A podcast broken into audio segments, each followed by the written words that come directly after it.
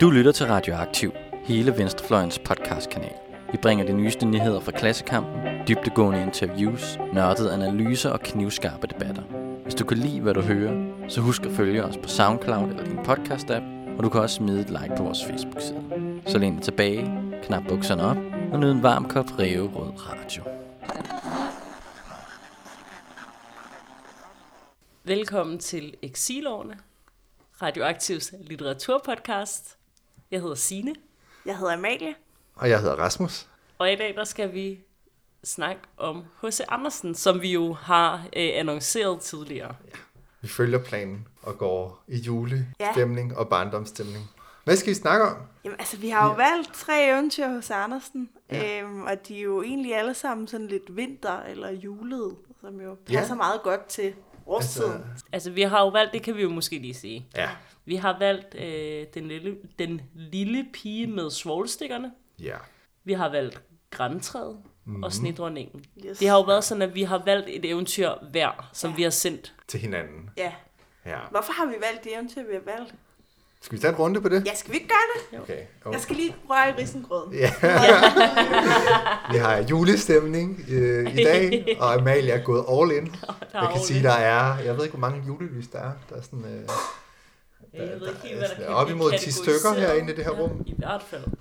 Så, og den bliver god. Den bliver god. Det dufter, det dufter dejligt. Vil du ikke starte, Amalie, med at fortælle, Jo, Jo. hvad for så lidt... passer det også med, at jeg kan komme ud og røre risengrøden igen, hvis... Ja.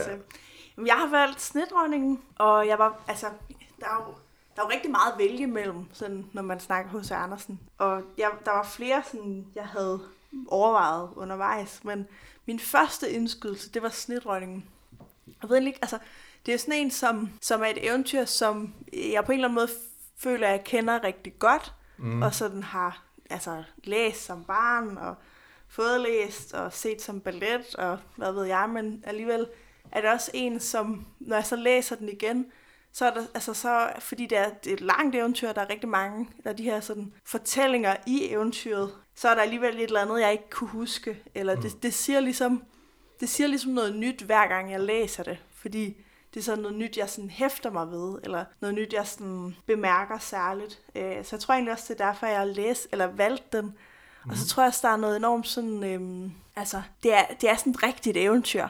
Både sådan en indledning med de her, den her djævel, der laver det her spejl, der splindres, og øh, hvordan det forandrer mennesker, hvis, hvis spejlet kommer ind i deres hjerter eller deres øjne. Og sådan. Altså, der er sådan en, det er sådan et rigtigt eventyr. Og den her rejse, som lille Gerda er på, og sådan, altså jeg tror, jeg synes, det har, der er sådan lidt svung over det på en eller anden måde. Hvad for nogle overvejede du ellers? Jamen, jeg overvejede øh, klokken, som er sådan lidt mindre kendt eventyr, men som er sådan, øh, er, er ret sjovt, synes jeg. Der er sådan nogle, Er det Altså- det der, hvor de, de søger efter klokkelyden? ja, de går ud i skoven, og så er der sådan noget med, at de lige er blevet konfirmeret, og Ja, der er, Der er en, sådan, en øh, fattig dreng og en ja, kongesøn præcis. eller der er sådan noget. altså, Ja. det, øhm, og så overvejede jeg også De Syv Svaner, Mm. øhm, Den overvejer jeg også. som er en fan, altså også fantastisk eventyr, som jeg kan huske, jeg havde på lydbog som barn, og som jeg også synes er helt fantastisk.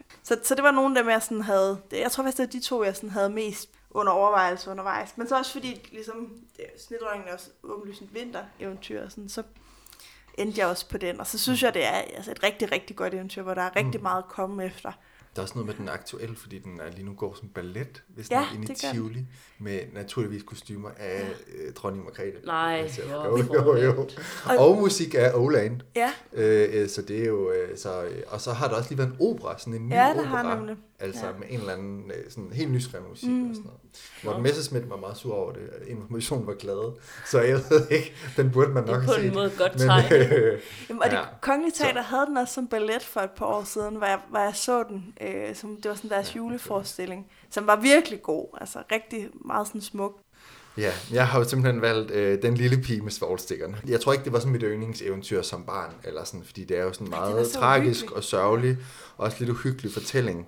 Øh, men altså, for det første, jeg tæ- tror, jeg har tænkt lidt, at nu har vi jo sådan en venstreorienteret podcast, og altså, så, jeg synes også, det er vigtigt at komme ud i den der sociale indignation og sådan øh, bagsiden af samfundets skildringer, som H.C. Andersen også kan. Og så det er jo sådan en fortælling med nogle meget store kontraster, sådan, altså både mellem sådan det, der er ude inde i de her stuer og hallucinationer, og så ude på den kolde, kolde gade, og død og glæde, og og så sådan, ja, sådan lidt syrede ting. Øhm, og så synes jeg også, et grund til, at den også er spændende, og også sådan, i sådan et venstrens perspektiv lidt spændende at diskutere det, det her med, hvordan, hvad for en rolle religion, religionen spiller mm. i den måde, man forholder sig til sociale, til sociale problemer og sådan noget. Jeg synes, tilslutningen er ekstremt tvetydig. Så det synes jeg kunne være lidt spændende at, øh, at diskutere. Jeg havde også overvejet øh, den lille havfru, fordi det er jo altså også en, en, en, en klassiker. Øh, og så har du alle mulige de her queer-tolkninger af den, og der er alle mulige, der er det der med, at den er blevet til en Disney-film, hvor slutningen er fuldstændig anderledes. Og, mm. ja, den er, den, også, den er også rigtig fed. Men nu bliver det den her, og jeg, jeg glæder mig til at, at, sådan, øh, at snakke om den lidt senere. Jeg har jo valgt Grantræet, som er et lille bitte eventyr. Og det var egentlig, det var min første indskydelse. Og så tænkte jeg, det går vi med. Ja. og så efterfølgende, så har jeg tænkt rigtig meget over, sådan, ej, måske skulle man have valgt en af de der rigtig store klassikere, så Klodshans eller sådan noget, den dur, ikke? Men Græntræet kan et eller andet. Mm. Altså, det, og det, det er et eventyr, jeg har vendt tilbage til rigtig mange gange. Ja. Altså, det er jo ikke nogen hemmelighed, at jeg er måske øh, øh, lidt en julehader, ikke? Du var Alle, der skulle vælge jules... det eventyr, jeg, jeg var så chokeret. Altså. Nej, men, prøv men, men når man det giver jo god mening. Giver det, mening. det giver jo god mening, ikke? Lad nu træerne være ude i den skov. Lad ja. være med at tage dem indenfor. Der er også en vild juletræsdebat i år i forhold til det med økologiske juletræer og træer ja, og i potte. Og, og, og hvordan det faktisk, altså, det skulle ja. ikke hjælpe noget. Lige præcis. Og, ja. Ah, ja. Jamen altså, det er jo også... Helt aktuelt kæmpe aktuelt i politisk sammenhæng, ikke? Det jo. er så gået op for mig efterfølgende. Yeah. Det er ikke fordi, yeah. at jeg har tænkt, der er en aktuel ballet eller opera eller noget. Nej. Altså, der er sådan en... Du går øh, direkte ind i de politiske debatter. Og siger, fuldstændig. Ja. Ind med græntræ og klima og have lige halløj. Greta har talt på det klimatopmøde. Og, ja, det er rigtigt. Ja, det har været et favoriteventyr i lang tid for mig. Også, også da du var mindre? Også da jeg var mindre, okay. faktisk. Altså som barn, der holdt jeg meget af det eventyr. Jeg har tænkt meget over, hvor latterligt det faktisk er med de juletræer. Og måske, ja. måske udspringer der det her eventyr, jeg ved det ikke. Og mit had til julen hos Andersens skyld, jeg ved det ikke. Nå, ej, det er sjovt. Men det hele giver mening. Det er overhovedet ikke, jeg tænker, når jeg hører den. Nej. Jeg glæder mig til at snakke om det senere. Ja. Ja. Nu rører jeg lige risengrøden. Ja. ja. Havde du overvejet andre? Jamen, så havde jeg tænkt... Skal du have hjælp? Ej, når det var tiden. Ej, Ja. Nej, jeg havde, jeg havde tænkt efterfølgende, efter jeg havde meldt ud øh, græntræet, at den holder jeg altså på. Ja. Så jeg tænkte, ej, altså, man snakker så meget om alle mulige andre, laver hele tiden referencer mm. til alle mulige andre eventyr. Ja. Altså den lille havfru, øh, ja. Klodshans og...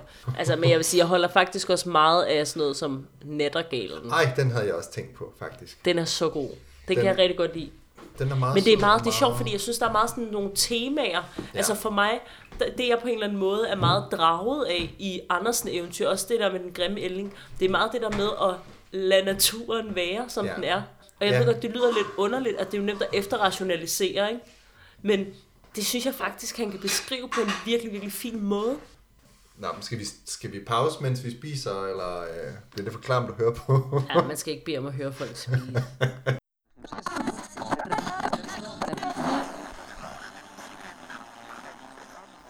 Nå, men ja. nok om, øh, om alle de eventyr, man kunne læse og, og, og skal læse. Skal vi ikke tage dem en for en og sådan snakke lidt om dem? Så kan vi måske sådan, øh, snakke lidt mere til sidst om, om hvad, hvad man sådan kan bruge hos Andersen til som, øh, som, som venstreorienteret, om der er noget politisk i ham eller sådan noget. Det synes det er selvfølgelig, det tænker jeg også kunne være lidt spændende at snakke om i forhold til de her eventyr. Ja. Skal vi starte med den lille pige med svartsikkerne? Ja. ja, skal vi gøre det? Ej, men hvor skal man starte? Altså, det er jo faktisk en meget simpel og meget kort handling. Det er jo i grunden et meget kort eventyr, ikke? Meget kort eventyr. Hvis det er et eventyr, handling, altså. Ja, det er det. Altså, det er jo bare den her lille pige med svartstikkerne, som er, har det så forfærdeligt, og som fryser helt vildt meget, og som har gået hele dagen og prøvet at sende, sælge tændstikker, men som ikke, øh, som ikke har fået solgt nogen, og hun tør ikke gå hjem, fordi at hendes far vil slå hende. Øh, så det er faktisk rigtig tungt. Og så tænder hun nogle tændstikker, og så, øh, så får hun sådan nogle... Øh, altså, jeg, altså, man kan jo både læse det sådan eventyragtigt, men jeg tænker, at det er også sådan lidt nogle hallucinationer. Altså, ja. hun fryser og er på dødens rem, og så viser der sig ting fra hende, når hun, øh, når hun tænder de her tændstikker. Ja. Tænker I ikke også det? Jo, altså jeg tænker også, at det er sådan noget, som er øh, som hun stræber efter. Ja, det er det. Altså, for det er jo meget, altså det er jo virkelig, apropos jul og sådan noget, så er ja. det jo sådan øh, virkelig det, hun står udenfor og, og så kigger ind på først hvert. Først er det en kamin, og så er det et julebord med en gås, som er levende med rigtig syret, og så er der et juletræ, som, som den tredje, inden bedstemor kommer. Ja. Så det er virkelig det her borg, altså hun drømmer sig ind i sådan et godt borgerligt øh, julehjem. Og det er jo egentlig også i den tidsperiode, hvor de her eventyr skrevet, at sådan den borgerlige jul ja. vandt frem. Altså ja. hele øh, den jul, vi kender fra Peter Fabers sange og fra H.C. Andersen og med juletræet og med de ting, vi spiser mm. i dag, de sange, vi synger i dag. Altså hele den jul, vi kender i dag, har jo sådan sin begyndelse på det her tidspunkt. Ja. Ja, og det er også den, vi ser afbildet her, ikke? Jo, jo alle de der traditioner, der også knytter, knytter sig til sådan opstandelsen, eller hvad sådan noget, opståen af det borgerlige hjem, eller sådan kernefamilien, ja. som jo virkelig, altså de, som jo virkelig er, inkarnerer den. Det er ligesom, de opstår her, og her har jeg sådan en historie om en, som faktisk står udenfor, og som er fattig, og som, oh, som hvis egen familie er fuldstændig smadret, den eneste, der har været god ved hende, er hendes bedstemor. Hun står mm. og kigger ind. Altså, jeg synes, der er meget af det der, altså, som i virkeligheden, nu tager jeg måske lidt glæderne på forhånd, men noget af det, som hos Andersen faktisk er rigtig god til, det er det der med at skabe sådan en fortælling af øh, to klasser i samfundet. Altså, ja. den, der, den der borgerskabs øh, fortælling, som han måske øh, selv også rigtig gerne vil være men mm. mens han så stadig faktisk er tro mod de der lidt trænge kår, det kan man jo så diskutere, det har der været mange diskussioner omkring, er han i virkeligheden fra trænge kår eller ej, men ja. de trænge kår, som, hvad skal man sige, den generelle fortælling med hos Andersen i virkeligheden er, det tager han faktisk højde for i rigtig mange de eventyr, synes jeg. Det her er jo i virkeligheden, det kunne lige så godt være en beskrivelse af en pige, han havde set på gaden hjemme i Odense, mm og ja. så tænkt nok at vide, hvad det er, hun egentlig har oplevet. Der er, nej, der er jo en, synes, der er en social indignation i den her historie. Altså, det er virkelig, det er jo faktisk ikke, på mange måder er det sådan socialt realistisk, fordi hun har det virkelig ikke særlig hårdt. Hun er ignoreret af alle dem, der er ingen, der gider købe af hende, og hendes familie er, er nederen. Øh, samtidig er der også det her sådan lidt romantiske, at hun er sådan, øh, hun har så fine lyse lokker, og, og ser egentlig er meget ja. smuk. Det tænkte hun ikke selv over. Og så synes jeg, at slutningen er meget altså, bemærkelsesværdig for den måde, som den her sociale, for, for den måde, man tolker det, at hun jo altså ender med at dø, simpelthen af, af fattigdom, eller af kulde, men jo fordi hun ikke har noget sted at gå hen. Jeg tænker, skal vi lige læse den op? Ja, ja, jeg har den her. Ja, jeg synes, vi skal læse derfra, hvor hun øh, fjerde gang tænder en masse tændstikker, tror jeg det er, og ser sin mormor. Hun strøg igen mod muren en svovlstik. Den lyste rundt om, og i glansen stod, stod den gamle mormor, så klar, så skinnende, så mild og velsignet. Mormor, råbte den lille, åh, tag mig med. Jeg ved, du er borte, når svovlstikken går ud. Borte ligesom en varme kakkelovn, den dejlige gåsesteg og det store, velsignede juletræ. Hun strøg i hast den hele rest svovlstikker, der var i bundet. Hun ville ret holde på mormor, og svovlstikkerne lyste med en sådan glans, at det var klarere end ved den lyse dag. Mormor havde aldrig før været så smuk, så stor. Hun løftede den lille pige op på sin arm, og de fløj i glans og glæde, så højt, så højt. Og der var ingen kulde, ingen hunger, ingen angst. De var hos Gud. Men i krogen ved huset sad i den kolde morgenstund den lille pige med røde kinder, med smil om munden, død, frosset ihjel den sidste aften i det gamle år. Nytårsmorgen gik op over det lille lig, der sad med svovlstikkerne, hvoraf et knippe var næsten brændt. Hun har ville varme sig, sagde man. Ingen vidste, hvad smukt hun havde set, i hvilken glans hun med gamle mormor var gået ind til nytårsglæde. Det er jo hjerteskærende. Det er hjerteskærende. Det er altså også, undskyld mig, nu siger jeg det bare som det er. Det er lidt absurd at romantisere børnedødelighed på gaden ja, ja, i den, den grad. Måde, ja. altså, hvad har foregår? Det, nej, men jeg har, ja, præcis. Jeg har, men jeg har det sådan, på den ene side, så kan man læse det sådan helt vildt sarkastisk nærmest. Altså, hun sad med et lille smil på munden og havde oplevet, altså sådan, at det virkelig bare er sådan en skildring af grusomheder. Men på den anden side, Og det fornemmer jeg egentlig mere, så er det den her, så er det den der sådan romantisering, og det er jo nærmest sådan en apolyptisk forening, der Ja. sker altså med, med mormoren, og, og det ender jo i, de der, der er sådan det der, der er ingen sorg, ingen hunger, ingen glæde. Altså jeg kom til at tænke på øh, sådan et bibelcitat, som bliver sagt i Titanic. Øh, og jeg slutter op, som vist er fra Johannes åbenbaring kapitel 21.4, som er sådan noget, kan jeg læse det op? Ja, Øhm, det er, og i Titanic er det der, hvor skibet er lige ved at gå ned. Jamen, og det begynder at hælde sådan helt, helt op, og så er der en præst, der læser det her. Han vil tørre hver tårer af deres øjne, og døden skal ikke være mere. Ej heller sorg, ej heller skrig, ej heller pine skal være mere. Til det, der var før, er forsvundet. Altså, og det er en del af den her apokalyptiske vision i Johannes åbenbaring. Men bare sådan, at det er jo som om, at døden her bliver netop sådan indgang til det nye rige. Så på en eller anden måde bliver, bliver det ikke sådan en, en, en anklage mod samfundet, men mere sådan en åbenbaring mod, mod Gud og paradiset. Og det er jo på en eller anden måde sådan ekstremt reaktionært på en eller anden måde, at, at, at barnedødelighed bliver brugt til sådan en eller anden ja, guddommelig vision på en eller anden måde. Jo, og det bliver netop sådan et, et skønmaleri også, fordi der blandt andet bliver skrevet, at hun havde røde kinder. Ja, Og hvis hun er død de sidste timer i et gamle år, og hun bliver fundet om morgenen, så har hun jo ikke røde kinder. Altså, så er hun jo blevet bleg, fordi det gør man jo, når man dør. Altså, mm. Så der er noget, altså, en, ja, en romantisering af den her pige, som, som kommer til noget bedre på en eller anden måde. Men også lidt en romantisering af døden. Ej, hvor fint det er sådan at dø i skæret af en tændstik ude på gaden, mens du er ved at dø af kulden. ja. Altså, jeg vil sige, jeg, jeg, jeg er enig i, at man kan læse det på to måder, men jeg bliver faktisk til stadighed forarvet over, at det er så populært ja. et eventyr. ja. Altså fordi man, jeg, jeg tror, det jeg undrer mig rigtig meget over, det er, at folk faktisk ikke bliver mere indigneret. Men på den anden side er det jo også, altså på den positive side er det jo sådan faktisk, får vi perspektivet i modsætning til mange eventyr, hvor det er fra øh, prinsen og Ja. ja. prinsesserne, og hvor det ender med, at de lever lykkeligt til deres dages ende, så ender det faktisk med, at hun dør her. Så på den måde tager han jo sådan set konsekvensen af fattigdommen, viser, hvad den er, mm. men så kaster et eller andet mm. romantiseret slør over det. Ja, og det viser jo også, hvad det er, religion kan gøre, og måske også Ja. gjorde på det tidspunkt, ikke? At, at så kan det være, at du levede et, et fattigt og, og kummerligt liv i, på, på jorden, men så kunne du i det mindste komme i himlen.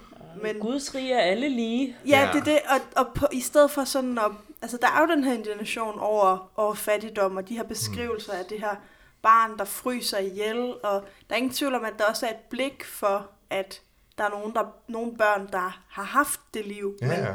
men i stedet for, at det bliver sådan sådan transformativt potentiale, eller noget, man ligesom kunne skrive en, en vej ud af, eller en, en sådan social indignation videre, så bliver hun ligesom hun bliver frelst, og så gør det måske ikke lige så meget, fordi hun er jo hos Gud og har det godt, og, mm. og bedstemor. Så de der sådan egentlig ret, ret sådan hjerteskærende beskrivelser af det her barn, på en eller anden måde, så bliver de sådan lidt sat i parentes, fordi det Og- hele ender jo hos Gud, eller Ja. Og lidelsen for mening, det er jo også, og det er Ja. virkelig også et meget gennemgående hos Andersen træk Ja. med lidende piger, kvinder, som skal så frygteligt meget igennem, men så ender det godt, men fordi de lider, eller sådan, det er, Ja. det er næsten en, en styrke, eller sådan, det er en kvalitet ved hende, at hun går igennem lidelsen, fordi derigennem kommer hun til Gud. Altså hun bliver sådan en eller anden, der er sådan et martyr ja. over hende, på en eller anden måde, på den der Jamen, hun kan at, kun... at hun er sådan ja. ja. det lille uskyldige væsen, som undergår en grufuld skæbne, men igennem den grufulde skæbne, så mm. bliver hun forenet med bedstemor og sin, øh, og sin Gud. Eller sådan. Og det tænker jeg, det er sådan... Det, det, der, der er i hvert fald rigtig mange kvinder, der lider rigtig meget mm. i H.C. Andersens eventyr. Og det, ender, det ender sådan, nogle gange ender det godt eller skidt. Men jeg tænker, det her det er i hvert fald også sådan, den, ja, lidelsen får en eller anden betydning og mening, som ikke nødvendigvis er særlig øh, progressiv, fordi den får sådan et, et formål i det hinsides. Og så Ja. ja. behøver man jo ikke gøre noget ved den på, på, på det denne side. Nej, det er det. sige. Ja, ja, men jeg synes bare, det er irriterende. Altså, det vil jeg bare sige. Og hvis man, hvis man skal sige noget, altså, ikke, altså sådan noget, jeg synes noget, der er måske er godt ved eventyret, det er, at det øh, ligesom, det gør de her, øh, det gør den her, den her slags liv, øh, det, det bringer den i søgelyset for nogle ja. Ja. andre. Altså, der er sikkert nogle, nogle børn, der har haft trygge øh, opvækst i, i det her nye borgerskab, som måske har læst den her historie og, og altså, man må da næsten, hvis man ikke er lavet helt af sten, Ja. få anledning til at, at føle med den her pige. Jeg Ja. synes, altså, det er nogle enormt sådan hjerteskærende øh, Mm. beskrivelser, ikke? Hendes Ja. ja. forfrosne fødder og hendes frygt for faren, der slår. Og, altså, Mm. det, det er der, altså, du skal godt nok være øh, hjerteløs, hvis du ikke Ja. ja. på en eller anden måde bliver, bliver, bliver ramt af dem, ikke? Jo. Ja, men det er heller ikke for at sige, at jeg hader det her eventyr. Altså, det er jo ikke det. Er jo ikke, det, er ikke det. Men jeg synes bare, det er meget underligt, at religionen skal være redningen. Jeg forstår godt, og tiden og sådan noget. Men jeg er helt enig i, at det, som vores gode ven Hans Christian her, han jo gør, det er at bringe blik for klasseforskelle. Ja.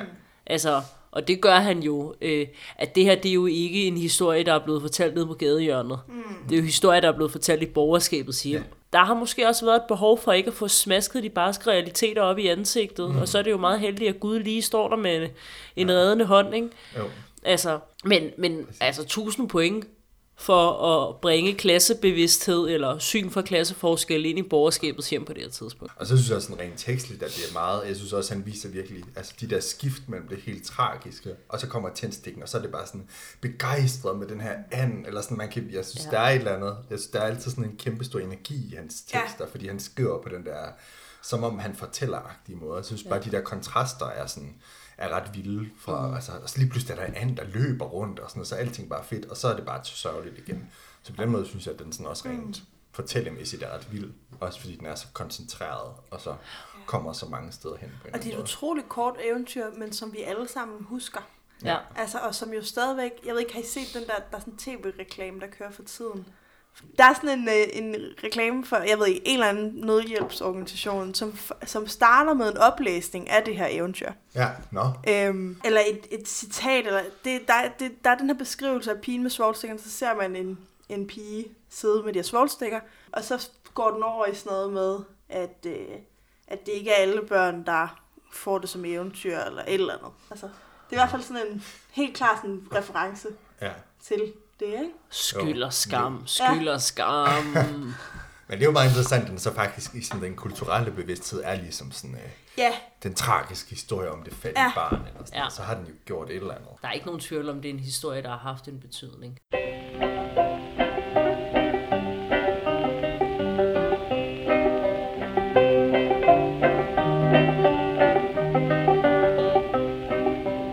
Men øh, og med det skal det være, at vi skal gå videre til næste. Ja. Til julehaderens Er julehistorie. Ja, skal vi gøre det, så Ja, vi tager den gøre det. store øh, historie til sidst? Ja.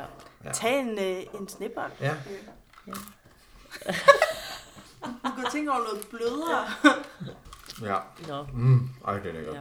Ja. Jeg har jo valgt græntræet. Ja. Og s- som jeg sagde tidligere, så var det jo faktisk øh, en slags intuitivt valg. Og der er, altså jeg synes godt nok, den har lidt nogle sådan, øh, den lille, lille pige med svovlstikkerne, øh, referencer, eller, altså der er nogle paralleller i hvert fald i de to historier. Det ender mm. i hvert fald for, på en eller anden måde i begge historier noget med, at der er noget, der går op i røg. Ja. Altså det, det søde græntræ, som står ude i skoven og kigger op på alle de andre græntræer og drømmer om bare at blive et smukt juletræ i nogens hjem, som så bliver det, og så ender som mange andre juletræer, som simpelthen pindebrænde. Og det er jo det, der er grundhistorien, kan man sige. Men i, i historien ligger der jo også nogle helt fantastiske naturbeskrivelser. Mm. Ja, jeg synes, altså, den, der, sådan, det, jeg synes, den viser meget den der dobbelthed, der er i mange hos Andersens historie. Altså på den ene side er det jo sådan en eller anden allegori, hedder sådan noget, allegori eller et billede på, Ja. at man skal huske at leve livet og ikke altid længes efter noget andet og sådan noget. Men så er det også bare en historie om, hvordan det må er at være et græntræ. Ja. Og hvad man kunne tænke, hvis man var det, og hvordan det er at være, eller sådan, som næsten er endnu federe det der, lad os forestille os, hvordan det er at være et græntræ, ligesom andre, der er sådan, ligesom- lad os forestille os, hvordan det er at være en havfru, eller, eller sådan det der, Ja. Bare lige forskyde hele perspektivet af verden. Ja, der er ligesom sådan en, en sjov dobbelthed, som handler om alle de paralleller, man kunne overføre til for eksempel Andersens eget liv, og så er der den der den helt banale udlægning, ikke? Mm. Når jeg kan vide, hvordan det så rent faktisk er at være øh, legetøj i skuffen, eller Ja. øh, et græntræ i skoven, eller mange af de der ting, som han faktisk er rigtig god til at tage op, som synes giver jeg. den der umiddelbare underholdningsværdi også. Ja. Altså, det er ret grineren, eller, også, og, og den der barnlige appel måske også. at det er meget sjovt at forestille sig. Eller Ja. Sådan. Ja. Men jeg kan bare huske som barn, da jeg fik det her eventyr øh, læst op. Altså det, som det gjorde ved mig, udover at jeg øh, var lidt skeptisk over for det der med, når man tager planter ind i hjem. Altså jeg ved godt, det lyder lidt underligt, men der er jo noget, noget lidt besynderligt i grunden ved at bare fælde helt vildt mange træer og sætte dem indenfor i en uge eller en måned, for så at smide dem ud. Altså der er jo også på en eller anden måde, det, at det, det har jeg tænkt meget over som barn. Kan Ja. jeg huske sådan, nå jeg Gud, og nej, det er faktisk også lidt besynderligt at stille lidt spørgsmålstegn ved det. Ej, det er sjovt. Og ikke fordi, at jeg var sådan her hov- og forbrugersamfund og, øh, og brug og smid ud kultur og sådan noget som barn overhovedet ikke. Men det, det har været det samme med sådan, så har, har jeg jo kunne drage lidt paralleller til alle mulige andre ting, sådan, når jeg kan vide, hvad som er afklippet blomster, eller, ja. Altså som barn, så tænker man jo over sådan nogle ting, ikke?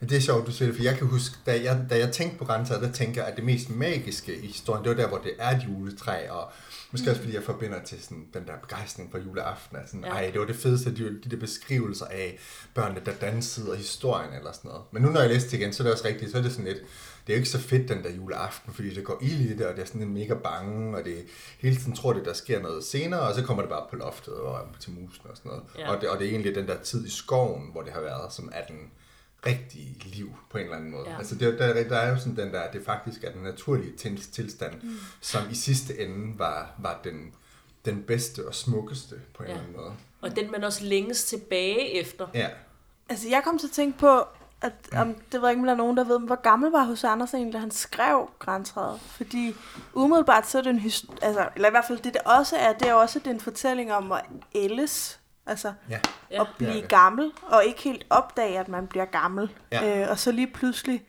være uddateret og stå på loftet og være afpillet og grå, øh, og egentlig ikke altså, have opdaget det selv. Ja, så jeg tænkte egentlig på, om det var sådan en... Har han selv skrevet den som midaldrende måske? Eller som, Øh, Det er et juleeventyr fra 1845. og hos Andersen er født i 1806. Ja, Er den så er han været 30, nej 40. Jeg ved ikke, det kan godt være, at man var sådan lidt mere end ja. middelalderen i, 70 i øh, 1800-tallet, men trods alt ikke. Ikke, Altså, jo det er ikke jo en mange, gammel mange år mand. før han dør. Men det kunne godt være sådan en midt, sådan midt, midtvejskrise eventyr. Ja, det er Ja, han rigtigt. har ikke Men- taget jagttegn eller noget, men så har han del med skrevet nogle, øh, nogle eventyr om at blive gammel, ikke? Ja, Jo, det kan være, at han har kigget sig selv i spejlet og tænkt, er jeg pludselig blevet gammel? Ja, Ligesom ja. når, når musen og rotterne siger til grænseret det. Eller er det Ja. børnene, der siger, du er da en gammel en, eller sidste års, eller sådan noget. Jeg, jeg tror, musen siger det først, eller Ja. ja. hvor han er sådan, nej, nej, jeg er jo lige, jeg skal jo også lige, Ja. ja. jeg skal jo genplantes lige om lidt, og det er mega nice, og sådan noget. Men, det, ja, men jeg synes virkelig, der er den der pointe med, nyd det, nyd det du er i, og Ja. sådan noget. Og så, og så også netop måske det der med, at det er naturen, der er det bedste, det er jo også på en eller anden måde barndommen, den umiddelbare, naturlige barndom, inden man er begynder at skal stasis op, eller sådan Ja. noget. Som jo også, altså, hele den der idealisering af barndommen, synes jeg er et virkelig gennemgående træk, Ja. som vi også kommer tilbage til Og snedronningen måske, men ja, og måske også et billede på ham selv, ikke? Fordi han har jo også længtes, altså så vidt jeg husker, så døde hos Andersens far, da han var 11-12 år gammel. ja. Og faren er jo den her sådan øhm, øh, dannede skomager, altså som, som læser og som fortæller, og som han har hele det her sådan fortæller- og eventyrunivers sammen med. Øh, og de har vist ikke, det, man kan diskutere, hvor mange penge de har, men det har jo ikke været noget rigt hjem i hvert fald. Nej. Men, men så er faren, øh, så dør faren, og så begynder han jo at længes mod København, og længes mod noget andet, og længes mod at komme på latinskole, og længes mod alle mulige ting. Så jeg tænker også, at altså, det er ikke så svært at tegne nogle paralleller til det, vi ved om hans liv. Altså forstået som tiden i skoven, og måske tiden med faren. Ja, ja, Altså ja sådan- barndommen og ja. sådan den, inden han blev fin. eller sådan. Mm. Hele den her morale, som er også meget det der, hvad er i nuet og nyd øjeblikket, som også er sådan mm. lidt en, ja, måske sådan lidt en kristen vær som fuglen øh, på himlen, eller sådan det der med ikke at længes og stræbe, eller sådan, at det er jo også, altså, jeg har tænkt, hvis man sådan skulle sætte den lidt politisk, er den også sådan, det er også sådan lidt antipolitisk morale på en eller anden måde. Det der, du skal ikke, øh, du skal nyde det, der er, mm. og være i nuet. Du skal ikke stræbe efter noget andet. Godt nok, men også sådan det der med ambitioner, det er jo bare sådan lidt noget forfængeligt noget. Altså, det er jo mega forfængeligt, det der træ. Det vil jo gerne, det er jo sådan, det første er det for nederen, at det er for lille, og så da det får pynt på, så vil det gerne have pynt på igen, og tænker, at det skal noget endnu vildere. Men hele det der med at ville noget, det bliver sådan forbundet til sådan en personlig forfængelighed. Mm. Og det, det er på en eller anden måde sådan lidt afmobiliserende, på en eller anden måde, tænker jeg. Ja, altså jeg tænker, man kan også læse det omvendt faktisk. Ja. At det der med, at det nytter ikke noget på en eller anden måde at pynte sig med lånte fjer, men at man faktisk ja. skal stå ved den, man er, fordi det er i det, du er, du kan have det bedst. Ja. Altså sådan kan man jo også læse det. Og at nogle gange, altså måske kan det, du stræber efter, faktisk ikke være det, som er mest gavnligt. Altså det kan jo også godt, hvis man skal læse det med nutidige øjne, ja. så kan det jo godt være sådan en øh, kritik af øh, kommercialisering af kroppen, og øh, altså sådan, at du er god nok, som du er fra naturens side. Ja, det er altså det er måske et, ja. et kropspositivistisk øh, eventyr. Sådan kan man jo godt læse det. Mm. Altså, det, fordi når den, altså, det er, ja, det er måske en underlig historie, som vi ikke skal tage med. Nu så jeg det der dokumentarprogram i går om Anders Akker, med Anders Akker, oh, ja. som besøger øh, nogle mennesker, der ja. har anoreksi. Ja. Øh, ikke fordi jeg siger ikke, der er en en-til-en øh, sammenligning, men der handler det jo også for nogle af dem om at stræbe efter noget, som på en eller anden måde er uopnåeligt, og som ja. ender med, for i, i mange tilfælde, anoreksi er jo øh, den øh, hvad hedder det, psykiske lidelse, som slår flest mennesker ihjel hvert ja. år. Nu blev det blev meget alvorligt, men mm. der er jo på en eller anden måde en parallel her, at øh, sådan en, en, en stræben mod et uopnåeligt kropsideal mm. kan godt være enden med at være det, som slår dig ihjel. Altså, det, mm. Det er selvfølgelig ja, det er, moderne det er, læsning af det, ikke? Altså, jeg tænkte egentlig, eller sådan, mit, mit bud på moderne læsning ville være sådan kritik af accelerationssamfundet. Altså, som vi kender det fra Hartmut Rosa. Ja. Det her med, at nuet bliver kortere, og vi altid længes efter det næste, der sker. Det bliver sådan en, ja. øhm, så, bliver, så bliver jeg træet pyntet. Så hvad sker der senere på aftenen? Hvad sker der så? Hvad sker der, når jeg kommer op? Hvornår kommer jeg ned igen? Altså den her sådan, at, at det, der sker lige nu, bliver sådan meget øh, afkortet, fordi man hele tiden er på vej et andet sted hen. Ja, ja, ja. Øhm, og det er jo i hvert fald, altså det er jo sådan, de, på den måde, så er grænser måske så mange, øhm, eller sådan som, som det samfund, vi har i dag, også gør mennesker til. Altså det der med, at hele tiden at ville noget nyt og noget bedre, noget anderledes, og mm. øh, sådan konkurrere mod hinanden. Hvorfor er de her træer, der, der er mindre end mig, hvorfor bliver de fældet først? Og sådan den der sådan sammenligning, altså som jeg mm. Måske ikke har været lige så præsent, da han har skrevet eventyret, men det er i hvert fald sådan et billede på, på sådan den acceleration, vi også har af samfundet, der med hele tiden, at vi har noget andet. Altså, ja. ja.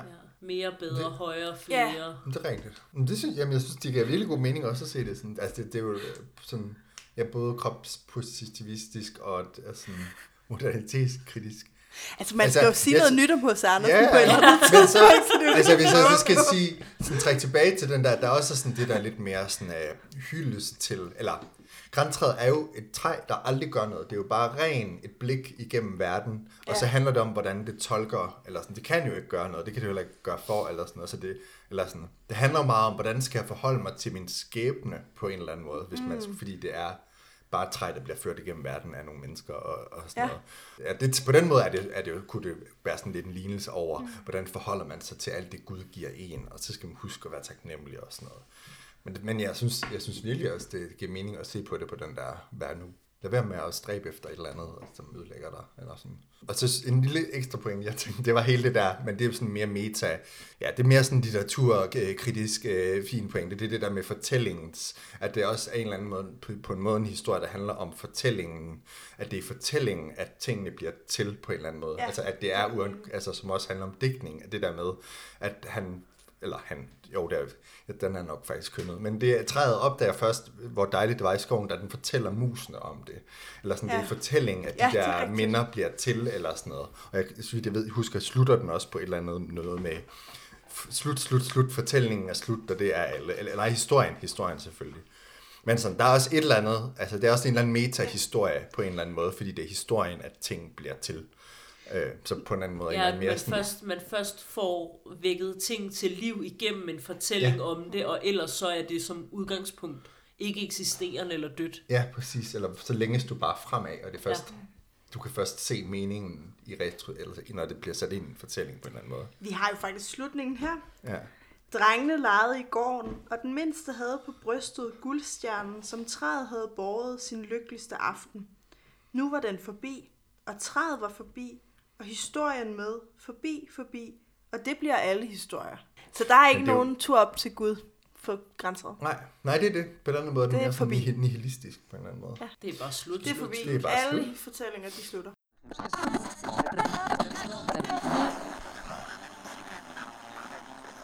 Ja. Det kan være, at vi også skal Ja. slutte af med at snakke om græntræet, og så øh, bevæge os til den sidste, men også øh, største fortælling, Ja. vi har på programmet. Ja. Snedronningen. Som var et overraskende langt eventyr. Rimelig Ja. langt. Altså, det tog 80 minutter på lydbånd, tror jeg. Sne- Snedronningen er jo et eventyr, men faktisk består det, det eventyr af syv forskellige historier. Altid syv i eventyr. Altid syv. altså. Og jeg ved ikke, hvor meget vi skal skitsere handlingen, fordi så kan det også komme til at tage lang tid. Ja, ja men grundlæggende så er handler det om, ja, lille Gerda, lille Kai, de bor over for hinanden inde i byen. De deler en form for, øh, i dag vil man nok kalde det en tagterrasse. På det tidspunkt var det en, en form for blomsterhave mellem nogle tage Ja. øh, hvor, de, øh, vi- hvor de vokser op sammen, og de har det oser lykkeligt. Så en dag, så øh, får Kai en splint fra et spejl, djævlen har lavet i hjertet, og han får et stykke af det i øjet, og så forandrer han sig helt. Så kommer snedronningen og henter ham, øh, og tager ham med øh, til sit, sin øh, øh, vinterlige residens. Og, øh, og derfra så begynder Gerda ellers en rejse, hvor hun tager ud for at finde Kai igen. Og det bringer hende igennem en masse forskellige mennesker, hun, øh, hun møder undervejs. Og det er mange af de her syv historier, det, det består det. Indtil hun endelig finder ham. Hun græder, hun rammer hans hjerte, hun rammer hans øjne, og splindrene de, de flyver ud, og Kai han bliver sig selv igen. Og så rejser de hjem og opdager, at de faktisk er blevet voksne mennesker. Ja. ja. Så det er historien, øh, som, som man følger i Snedronningen. Altså ja, hvor skal man snart starte? Ja, altså der er jo starte? måske, altså hele udgangspunktet for historien er jo det her troldspejl. Ja. Og hvad er det, det gør? Det er sådan noget, det forstørrer det onde og får det, det, dårlige, det gode til at forsvinde og få Ja. gode egenskaber og, og smukke ting Ja. til at forsvinde. Så det er sådan det, man får beskrevet, men så det, man kan også se, den virkning, det har på Kai, er det her med, det får ham til at blive meget sådan rationel og Ja. tænkende. Han kan den store tabel, mm. men han kan ikke sit fadervor. Og det er jo ligesom den modsætning, synes jeg, der løber igennem hele historien. Det er det her, den her rationelle, det rationelle tabeller og brygregning ja. over for det er bare sådan troen, fantasien, det barnlige. Eller sådan. Ja. Og hans hjerte bliver en isklump, ja. som vi også får at vide. Jeg læste lidt det her eventyr som sådan en slags coming of age-agtig Ja. ja. historie. Det er det, ja. Ja. Helt sure. Altså, og det er måske også sådan en, den, den mest lige til højrebenet-agtige øh, tolkning af at øh, tage ud i verden, eller være i verden, ja. og gøre sådan Ja. nogle forskellige erfaringer, og komme tilbage. Altså, det er jo, man kunne godt forestille sig sådan en analogi over det at være teenager, ikke? Jo. Sådan øh, være i verden, verden er umiddelbar og god og lykkelig, som den er, når du er barn, så begiver du dig ud i verden. Der er nogle forskellige udfordringer, farer, fristelser. Du er lidt forvirret, du er lidt bange. Hvad gør min egen krop? Hvad er det, mit hoved gør? Hvad er det, jeg oplever? Er det rigtigt? Og hvad skal jeg forholde mig til? Hvad skal jeg tro på? Hvem skal jeg stole på? Hvem skal jeg ikke stole på? Ja. Og så kommer du tilbage i verden øh, oplyst og ældre og sen igen på en eller anden måde. Nej, men jeg tænker også, altså det handler om at blive voksen, uden at på en eller anden måde sådan miste det, det barnlige, eller sådan at, Ja. at det, eller det bliver sådan egentlig sagt ret, ret eksplicit, ikke? at det der med at blive voksen, men, men stadigvæk have barnet i sig. Altså blive voksen Ja. uden at blive et dårligt menneske ja. Ja. i virkeligheden, ikke? Jo, det er det bevarer værdsættelsen af det skønne og fantasien og sådan de der ja. ting på en eller anden måde, mm. synes jeg også. Og ja, netop bevarer barnet. Men jeg synes også, der er jo sådan en... Jeg læste faktisk nogen, der læste som sådan lidt, man kunne opfatte øh, Kai og Gerda som sådan lidt to sider af sådan en personlighedsspaltning og sådan lidt en... Altså, den Ja. der øh, rationelle Ja. side mod sådan den følelsesmæssige side, de bliver så medieret på en eller anden måde, eller, eller sådan. Men ja. at der er netop, der er jo enormt meget sådan, ja, dannelseshistorie, eller sådan et eller andet. Jeg synes også, at der er meget sådan en dannelses, altså også bogstaveligt talt dannelsesrejse. Ja, det er jo virkelig en, en rejse mod, mod nord, med mange sjove hjælpere også. Eller sådan. Mm. Den har mange ja. sådan klassiske eventyr træk selve ja. historien. Men altså, det, jeg synes jo, folk skal tage og læse den, så vi ikke går sådan måske så meget ind i selve handlingen. Mm. Nej. Men jeg synes også, det der er ved de her hjælpere, er, at de repræsenterer noget forskelligt. Ikke? Altså, ja. Den første hjælper er, og det er, hvor man kan kalde hende en hjælper, men den her kone, der laver trolddom, som, som narer Gerda, ikke? Øh, har de her smukke blomster, ligesom i haven, men som jo ikke er, er naturlige blomster, men som er nogen, hun har tryllet frem på en ja. eller anden måde. Ikke? Og så kommer, vi, så kommer vi videre til det her prægtige slot med prinsen og prinsessen. Der er sådan nogle kunstige blomster, som, som heller ikke er sådan rigtige, men, men som så repræsenterer måske noget andet. Altså der er noget med det her med, at de er, de er gift, og hvad for nogle krav hun har stillet til ham og sådan noget. Ikke? Og så mm. de, er der jo røverpigen, som repræsenterer sådan noget, en grovhed på en eller anden måde. Ja. Også, ikke? Eller sådan, altså, så der er ligesom nogle forskellige ting, som man måske også altså enten kan se som sådan karaktertræk, ja. eller som, som sådan oplevelser, ja. som man kan møde og danne en. Altså ja. svig, eller grovhed, eller det er karakter, men man kan også se det som karaktertræk. Så man kan indoptage eller forsone sig med, for jeg lader mærke til, ja. det er mest den der røverpige, og sådan det der røver, som er sådan meget voldsomt i starten, og de starter med at slå en hel masse ihjel. Og så hende der røverpigen er også sådan lidt, meget vild og sådan noget, men egentlig får Gerda sådan lidt overbevist hende om, at øh, hendes historie er fin nok, og hun ender med at hjælpe hende. Eller sådan, det er en meget underlig karakter, men det er også på en eller anden måde sådan, at, at hun formår ligesom at, at øh, indoptage eller tæmme, eller hvad skal sige, det der vilde element eller sådan ja. noget. Jeg kan godt se, hvorfor man kan læse det, som om de repræsenterer to dele af en personlighed, fordi hun er jo også karikeret god, og yndig og lille, og åh, jeg ved næsten ikke hvad. Men også naiv. Og helt vildt naiv, ikke? Jo. Og han er rationel men, og... Men og lidt jo... modig og udfordrer os lidt. Og... Ja. Men jeg synes, den er jo meget klar. Moralen, eller det er jo Gerdas tårer, der fryser og Kai væk. Altså han er jo fuldstændig fucked og hun er jo helt inde på en eller anden måde. Ja, ja der, på den måde er det jo også den der, eller ved ikke, det kan man måske også diskutere, er det, sådan, er det en progressiv moral, eller, eller sådan, hvad, hvad betyder det? Ja, måske er det, måske er det ikke, det er jo, manden kan ikke føle åbenbart. Nej. altså, nej, det er bare logik og brøkregning og halvøj, ikke? Ja. Og hun er, føler efter og mærker, at det er hendes, det, det, de, de kvindelige tårer og følelser, som kan øh, hjælpe ja. øh, den hårde, logisk tænkende mand. Ja, og jeg får lyst til at fremhæve noget, som øh, findekonen siger. Fordi rensdyret spørger, ja, ja. kan du give hende noget, så hun kan få magt over det hele, så hun kan få, er det syv mænds styrke? 12. Ja. 12 mænds styrke. Mænds styrke. Ja, så hun ligesom ja. kan møde snedronningen og, og besejre hende. Og så siger findekonen, jeg kan ikke give hende større magt, end hun allerede har. Ser du ikke, hvor stor den er? Ser du ikke, hvor mennesker og dyr må tjene hende, hvorledes hun på bare ben er kommet så vel frem i verden? Hun må ikke os vide sin magt. Den sidder i hendes hjerte. Den sidder i, hun er et sødt, uskyldigt barn. Kan hun ikke selv komme ind til snedrøgningen og få glasset ud af lille Kai, så kan vi ikke hjælpe. Ja. Altså, så det er jo sådan en... Det, det rene hjerte ja. er den, den største magt af alle. Det er uskyldighed. Men der er jo også noget i det der med, som du også selv sagde tidligere, altså hvis man kigger på det sådan lidt groft, så er det jo ikke fordi, at ham Kai der, han har været ude for særlig mange udfordringer. Nej. Det er jo del med hende, øh, søde, søde, øh, lidt naive Gerda, ja. som bliver testet i mm. hoved og røv. Ja. Altså, og virkelig skal arbejde for at løse de der udfordringer, og han øh, musser bare rundt. Mm. Altså groft sagt. Jo, og, og hendes styrke ligger i, at hun går ubesmittet gennem det hele. Ikke? Jo. Altså, hun bliver, hun bliver narret af den første kone, men hun bliver ikke øh, en, der, der narrer andre af det. Og hun, hun møder den rå røverpige, men hun bliver ikke en, der er rå af det. Og hun er ikke, altså, hun er ligesom, uanset hvad man putter ja. hende igennem, så forbliver hun det her rene, uskyldige væsen. Ja, det... Og det er det, der er hendes, ja. altså, det er det, hun kan, og det er det, vi også får. Det er det, der er helten i den her historie, og det er det, Kai skal tilbage til, og det er det, som er, det er, det, som er idealet ja. på en eller anden måde. Ikke? Det ja, der magten præcis. ligger. Jo, på en eller anden måde synes jeg, at hun ændrer sig jo som sådan ikke, udover at hun går nogle ting igennem. Men jeg tænkte, der hvis man så skulle se det sådan, altså der er jo sådan nogle helt sådan køns, Ja. nogle kønsstereotyper, men hvis man så skal se på det sådan fra den positive side, så kan man sige, Kai er jo, som barn er han jo fuldstændig, de er jo fuldstændig lige som børn. Det er jo noget udefra kommende, der besmitter Kai og gør ham til det her øh, toksiske maskulinitetsmonster. Eller i hvert fald bare sådan det her rationalitetsmonster, ikke?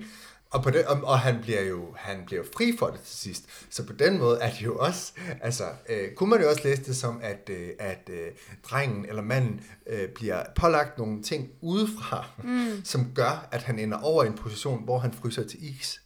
Øh, så er det så kvinden, der skal hjælpe ham. Det kan man så sige, det er måske sådan lidt skidt. Men han kan faktisk slippe ud af det. Mm. Så på den måde er det også lidt et opgør med sådan nogle øh, maskulinitets, rationalitets øh, dogmer. Mm. Ja. Man kan sige, det som Gerda også lidt repræsenterer, er jo borgerskabets drøm om en jomfruelig, uskyldig Ja. pige, som ikke bliver besmittet af det udefrakommende. True. Altså, der, hun er jo bare en ung, uskyldig jomfru, som kan gå igennem livet ja. og ikke blive påvirket af noget, for hun har jo sin øh, relativt sund fornuft, Ja. hendes øh, søde udseende Ja. og hendes fuldstændig naive tilgang til verden. Og det er bare, det kommer hun bare langt med. Ja, Det er bare flot. det er så Ikke? godt. Altså, og det er jo sådan lidt, ah, Nu har vi talt rigtig meget om Kai og Gerda, men hvad med snedronningen? Fordi hun er jo en... På en eller anden måde, så er hun en ikke-menneskelig karakter, som jeg ser det. Altså, Ja. Hun, og, og hun, er, hun er jo også kvinde, men hun er jo noget helt andet. Er hun bare djævelens øh, smukkere, øh, koldere inkarnation, der går på jorden i, under visse vejrforhold? Eller hvad, hvad, hvad er den figur? Men hun er jo, altså hun er, vi ved jo, hun, er, hun bliver beskrevet som meget smuk, Ja. og sådan lidt forførende, og kysser ham jo flere gange. Det er det, der han gør ham kold. Så hun er også på en eller anden måde sådan en, øh, ja, En forfører. sådan en forførende, altså kun læse som sådan en forførende, erotisk ja. øh, kvinde over for den uskyldige, sådan umiddelbare øh, pige i Gerda. Men samtidig er det jo også det her, er hun jo også sådan repræsentanten for det, for det rationelle. Hun giver ham også det her opgave med at skulle skrive evighed Ja. med is med sådan nogle øh, is, isklumper eller sådan noget. Det kan han selvfølgelig ikke. Han kan først få det skrevet i, når han mærker kærligheden for Gerda. Så kan de komme til evigheden. Det er også lidt en kristen moral, ikke? Når vi mm. bliver børn, så kommer vi til evigheden. Eller sådan. Ja. Det kan vi ikke gøre gennem rationalitet. Lad alle Guds børn, Ja, eller lad alle små børn komme til mig. Ja. men man kunne også læse det sådan lidt øh, ødipalt. Uh, ja. altså, bare Ja. gå fuld Freud på den, ikke? Altså, Ja, ja, ja. handler det i virkeligheden om den unge drengs øh, underbevidste tilknytning til den ældre kvinde, og den unge piges, øh, hvad skal man sige, lidt underlige jalousi i forhold til det her lidt underlige, ødipale forhold. Ja. Altså, sådan kan man jo også læse det ja, det er faktisk ret oplagt. også øh, både de der lidt erotiske undertoner, der er imellem øh, moren og sønnen, og hans i virkeligheden lidt mærkelige underdanighed i forhold til snedronningen, og hvad skal man sige, den unge pige, som måske er venner, måske er kærester med Kajs, øh, syn på måske en potentiel svigermor, eller Ja. altså som sådan en ikke følelsesforladt, men en styrende figur i drengens liv. Ja, Det er i hvert fald en oplagt analyse af historien. Mm. Det er meget. Og på den måde bliver det så også lidt historien om ham, der skal finde sin seksualitet, eller, eller sådan sin ja. Ja. mandlighed, eller sådan komme overens med det kvindelige, eller, eller, eller sådan... Ja, men i virkeligheden, man kunne godt læse det som sådan, øh, at manden på en eller anden måde skal frigøre sig fra øh, det styrende i kvinderne, Ja. eller at man at der er ligesom sådan en på en måde en, en gensidig frigørelse. Altså både at Gerda på en eller anden måde bliver nødt til at frigøre sig fra øh, sin egen uskyldighed, men også at Kai bliver nødt til at frigøre sig fra sin afhængighed af, Ja. ikke afhængighed, men at han på en eller anden måde tvunget, bevidst eller ubevidst, bliver defineret af hans relationer til kvinder. Ja, meget, ja, jeg er meget enig. Hun er jo langt fra den eneste ældre kvinde i eventyret. Nej. Altså, hvis man, hvis, nej, hvis man lægger mærke til det, så de her hjælpere, der er undervejs, ikke? Ja. Det første er en gammel kone. Mm. Så er der øh, så er der både røverpigen og hendes gamle konemor. Ja. Så er der Ja. lappekonen og føndekonen. Altså, vi får virkelig præsenteret nogle gamle koner. I er meget sådan forskellige karakterer, ikke? Men jeg kan ikke lade være med at tænke på, når det er altså det der spil over de mange ældre kvinder, at det er et spil i virkeligheden på heksefiguren. Ja. Altså i stedet for at sige, Ja. at hun blev hjulpet af en gammel heks, der hjalp hende derhen. Mm. Nå, men så har vi så lavet en masse, masse figurer, som på en eller anden måde er en slags øh, spin-off. Altså snedronningen er jo også lidt hekseagtig. Og alle de der kvinder kan noget, som er på en eller anden måde lidt uforklarligt. Mm. Du laver trolddom, men det er ikke ondt. Altså, det tænker jeg også, at der er mange sådan paralleller til sådan en, både god og en dårlig heksefigur. Jeg tænker det også som nogle mødre. Altså, Ja, at 100%. nogle, nogle sådan ja. moderlige figurer i virkeligheden på, altså netop hvor de også, hvor de kan noget forskelligt, men måske også sådan har forskellige måder at, at guide hende på, ikke? Altså enten ved at, at sådan føre hende lidt bag lyset, eller findekonen, hun er jo den her, hun kan styre vindene, og altså der er sådan nogle, det er på en eller anden måde også nogle sådan repræsentationer af ældre kvinder, øh, den her øh, Gerda-figur møder, som jo er lidt af et blankt lærred også på nogle måder, ikke? Altså, Ja. Så bliver hun sådan konfronteret med forskellige måder at være sådan en ældre kvinde på. Mere voksen kvinde i hvert fald, ikke? Det synes jeg er en virkelig vigtig pointe også det der med, men også netop, at det er sådan en, en genfortolkning af heksen, også fordi hende der med blomsterne, hun er jo sådan, hun laver trolddom, er lidt led, men det er også, hun er ikke rigtig ond. Det er sådan lidt for hendes egen skyld, så det er også sådan meget, altså, så, så de er meget nuanceret på en eller anden måde. Ja. Men det er da i virkeligheden, synes jeg, er en meget god pointe, det der med, at det faktisk er en historie, som præsenterer variationer over det at være kvinde. Ja. Men altså, når alt kommer til alt, så handler det jo i virkeligheden om, at mænden skal have det godt. Altså Ja, ja. i virkeligheden, ikke? Og, og at kvinden skal bevare sin uskyld. Ja, lige sådan i hvert fald præcis. i overført. Hvis man dykker lidt ind i det der med de mange moder, hekseagtige figurer, så er det også lidt en fortælling om, at øh, manden kan på en eller anden måde godt klare sig mm. øh, selv, men, men pigen bliver nødt til at forstå den magi, der ligger på en eller anden måde bag det at være kvinde, mm. for at kunne øh, gå ind i den rolle, eller øh, hvad hedder det, være i den transition på en eller anden måde fra pige til kvinde. Mm.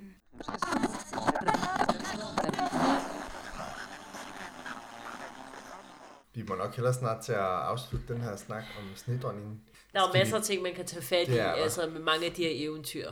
Og Ja. hele forholdet til religion i snedronningen har vi slet ikke talt om. Englene og salmerne Nej. og... Det, det er der rigtig meget af. Nej, den spiller en kæmpe stor rolle. Kæmpe altså. rolle. Ja. Altså hun bliver jo frelst af fader, hvor gentagende gange. Ja, og den søde kaj, der har glemt sin fader. Men skal vi måske, men vi kan måske ved Ja. over i en diskussion, eller bare sådan kort, Ja, hvad, jeg hvad kan vi bruge hos Andersen til sådan, som venstreorienteret, eller hvad man skal sige, sige? Altså i forhold til, hvis man kigger på øh, med nutidige briller, hvad man kan bruge H.C. Andersen til. Der er jo ikke nogen tvivl om, at der er nogle lidt forstokkede sådan syn på mennesker og kvinder og alle sådan nogle ting. Men hvis man på en eller anden måde kan tale den der underliggende queerhed op, der er i mange af eventyrene. Det gør han jo allerede, og præsenterer jo også børn for mange typer af, som vi lige har snakket om, øh, for eksempel kvindefigurer. Men jeg synes faktisk også, at han bidrager med en eller anden art klassebevidsthed. Altså i den lille pige med svovlstikkerne, og Ja. måske også øh, et horn i siden på forbrugssamfundet, ikke? Jeg synes, det der er fantastisk ved H.C. Andersen, det er, at han kan placere sine fortællere hvor som helst. Det kan være en bold, det kan være et græntræ, det kan være en havfru, det kan være en prinsesse, det kan være en lille pige med det kan være en elverkonge, det kan være nattergalen, det kan være en svinedreng, altså det kan være hvem som helst. Der, der er sådan, alle dyr, mennesker og ting kan være fortællere i H.C. Andersens eventyr. Og, og det, det den måde, han kan levende gøre næsten, altså hvem som helst forestillinger og pinsler og øh, liv. Det er sådan for mig den helt store værdi i hans forfatterskab. At det, ja, det synes jeg også, det der med, det er så mange, han, der er så mange nye perspektiver på verden i hans eventyr. Ja. Altså, jeg læste, tror jeg også, jeg læste et sted, at det er jo sjældent, at hans eventyr, eller mange af hans eventyr er jo ikke sådan i en fantasy-verden, der er helt væk fra vores. Det er jo sådan bare et skævt perspektiv på vores egen verden, fra ja. træet, eller fra bolden, eller fra den lille pige med svovlstikkerne ude på gaden, eller sådan noget. Han fordrejer, han, han giver os bare nogle helt masse nye måder at se verden. Som du også siger, Mal, også bare det, vi har kunne diskutere, sådan snitdronningen. Altså, der er bare så mange så mange ting i den, og det er sådan, altså de er netop, selvom man kan finde nogle reaktionære og konservative elementer, så bliver de bare tit sådan undergravet, så er der tit alt muligt andet, fordi det er på en eller anden måde. Der er så mange betydninger og så mange forskellige ting i det, og de er så dobbelttydige. Også bare det der med, nogle gange ender de rigtig godt, og ting lever lykkeligt, og andre gange så ender det sådan meget mærkeligt nihilistisk, og så er der sådan lidt som skyggen, som vi ikke som man kunne snakke længere om, som er sådan helt undergraver alt det, han har skrevet. Altså det er bare, der er så mange ting i det, så på den måde kan man jo også bare virkelig bruge det til at se verden på en hel masse nye, nye måder med.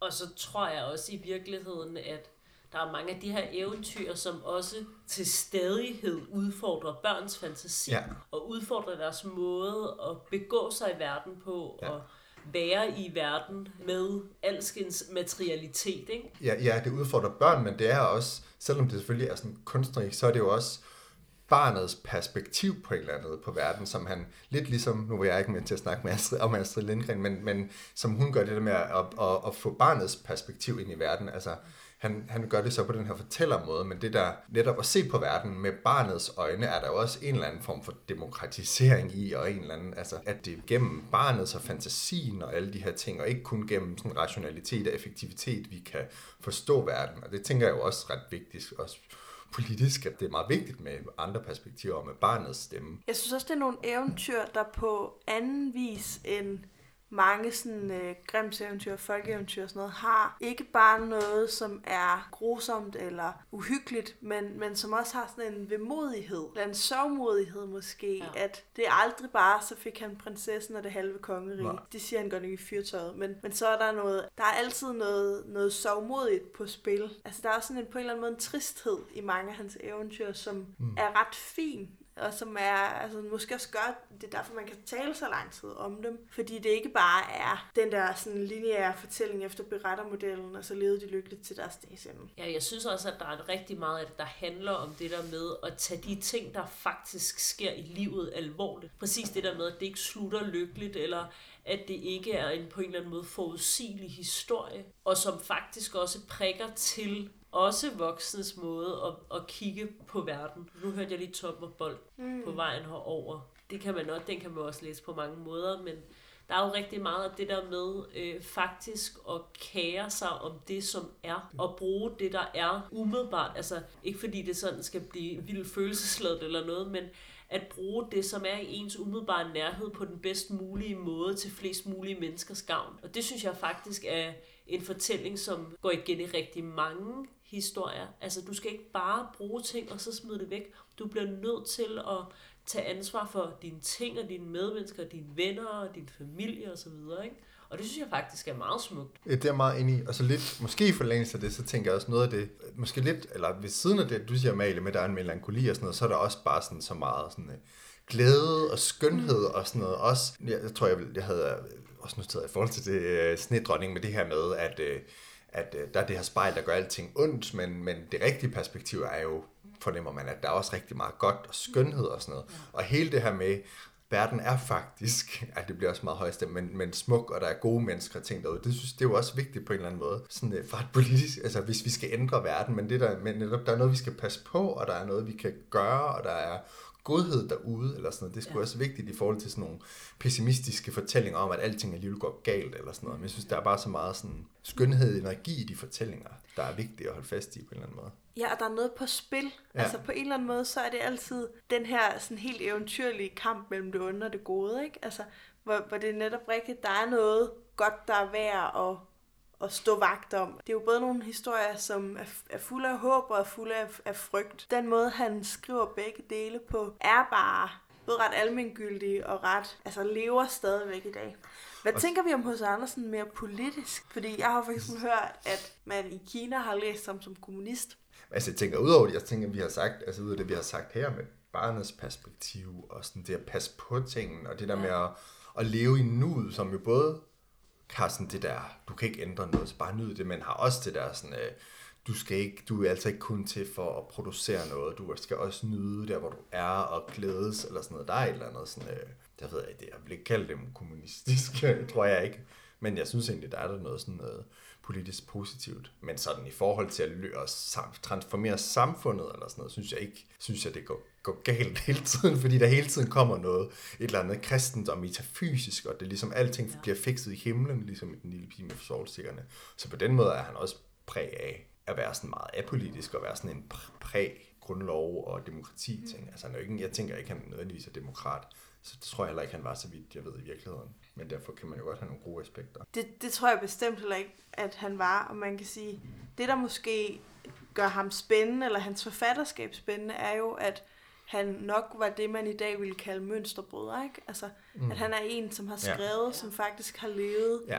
et liv uden for øh, sådan borgerskabets trygge rammer. Ikke? Altså, så han, er jo, han har på en eller anden måde været begge steder, eller hvad man skal sige. Ikke? Det tænker jeg, der er, altså, alligevel er relativt få stemmer, ja. der har i hvert fald, som har sådan den udbredelse, og den, altså, alle kender jo H.C. Andersen, ikke? Han er nok den mindst, mest kendte dansker, der nogensinde har været. Ikke? Men jeg kom til at, faktisk at tænke på, da jeg læste nogle af de, histori- øh, de her historier, sådan vores paralleller til dengang vi lavede det der guldalder-afsnit, ja. og da vi var på øh, Statens Museum for Kunst og se nogle af de der malerier fra guldalderen, Ja. Altså den der mangel på arbejderklassens øh, stemme og arbejderklassens ja. perspektiv, eller i hvert fald samspillet imellem øh, arbejderklassen og borgerskabet.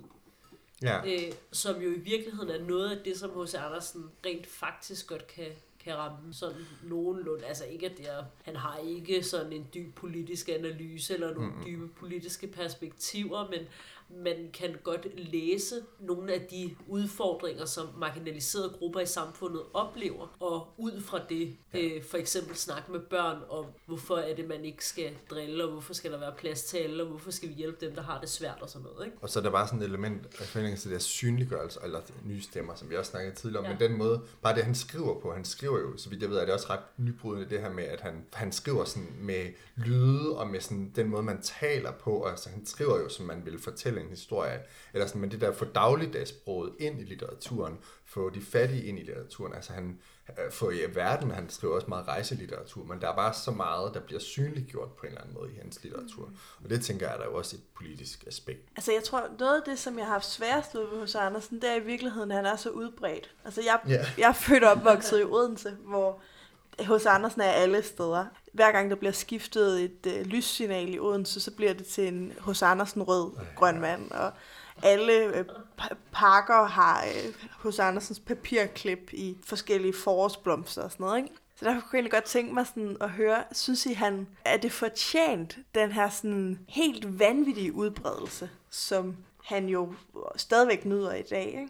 Altså, øh, på den ene side, ja, ja det, jeg synes, det er fortjent, fordi han er en vanvittig god forfatter, og det er et meget flot forfatterskab, men jeg synes også, jeg tror, jeg kan mærke, at jeg bliver også har fået flere gange haft sådan hos Andersen kvalme, fordi han ja. bare bliver krammet så meget af, nu læste du også til der forår af frygtelige forhold, og forår af Battle Hård, som ja. alle fyniske skoleelever har fået. Han bliver krammet så meget af borgerligheden, og bliver gjort så meget til sådan noget, uh, det er sådan noget, vi er stolte af i Danmark, dansk. eller sådan noget. Og det synes jeg ikke, han fortjener som sådan, fordi det, jeg synes, det forfladiger ham, mm. og gør ham til sådan, altså, der er så mange nuancer og modsætninger sådan noget i hans eventyr, mm og det bliver sådan på en eller anden måde, hvis han skal være sådan en øh, sejrspokal, vi kan gå rundt med i verden, så, så bliver det sådan lidt ødelagt, fordi at det er meget mere end det, og det er ikke sådan noget, man bør stoppe ned i halsen på folk på en eller anden måde. Og jeg synes også, at hvad skal man sige, jeg har også været H.C. Øh, Andersen med i rigtig lang tid, men uden faktisk at have været med på hans litteratur, så har det været ja. alt, alt omkring H.C. Andersen. Så skal du gå på øh, konditori og have en kage, der hedder en H.C.-hat, og så øh, går du omkring øh, Rådhuspladsen, så er der fucking H.C. Andersens statuer, H.C. Andersen øh, tv-udsendelser, og H.C. Andersens fejringer, hans fødselsdag, ja. og hans papirklip og hans det ene og det andet. Der er ikke særlig meget, synes jeg, at det, som vi beskæftiger os med i sådan, hvad skal man sige, dagligdagsagtigt, som rent faktisk handler om den litteratur, han har bedrevet. Så ja, jeg synes faktisk, at hans plads i litteraturhistorien er meget velfortjent. Og jeg synes faktisk, at man skylder sig selv at genlæse rigtig mange af de både øh, klassikere, som man tror, man kender, men også nogle af de der lidt mere ukendte eventyr, fordi der er bare rigtig meget at dykke ned i. Og så kan man blive irriteret over hos Andersen show med Tina Turner, og hvad ved jeg. At du ikke kan stoppe på Odense Banegård, uden at få, øh, som en anden fru Grakås, kastet af hos Andersen ned i halsen. Men han har jo gjort en forskel, og det gør han jo stadigvæk. Og bliver nok også ved med det. Så ja, forfatterskabet er enormt berettiget, anerkendelsen er enormt berettiget. Mm. Jeg tror også for mig var det her i virkeligheden, altså mit sådan, forhold til H.C. Anders livshistorisk perspektiv, var, at, at jeg som barn var enormt glad for hans eventyr, og virkelig har ja. fået dem læst højt og læst dem. Og så efter i folkeskolen var jeg blevet slæbt med på den ene H.C. Andersen byvandring efter den anden, hvor man kigger på, hvor hans mor vaskede tøj, og ja. øh, har klippet H.C. Andersen klip, og været til H.C. Andersen julemarked, og set H.C. Andersen paraden, og altså alle de der ting. Så er der nogle år, hvor jeg ikke har beskæftiget mig med ham. Og jeg tror i virkeligheden, hvis, nu er det snart ni år siden, jeg flyttede fra hos Andersen byen, men, men jeg tror, hvis jeg havde læst de her eventyr for 10 år siden, så havde jeg slet ikke kunne se dem. Så for mig har det i virkeligheden været sådan den der genopdagelse af, af de her helt fantastiske historier. Og jeg har i hvert fald fået lyst til at genbesøge flere af dem, for sådan at læse dem med voksne øjne. Ikke? Jo. Og ikke sådan den trætte teenagers. Fordi det er nogle fantastiske historier.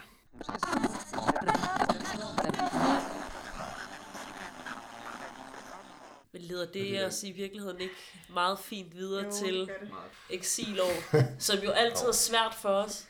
Altså, ja, jeg synes jo, det er en af dem, hvor vi er højt oppe, ikke? fordi det jo. er et kæmpe forfatterskab, og det er... Jeg har allerede brugt fem eksilår på H.C. Andersen. Ej, jeg vil godt give, øh, jeg vil godt give ham øh, tre år. Og jeg vil altså gerne sige 3,5.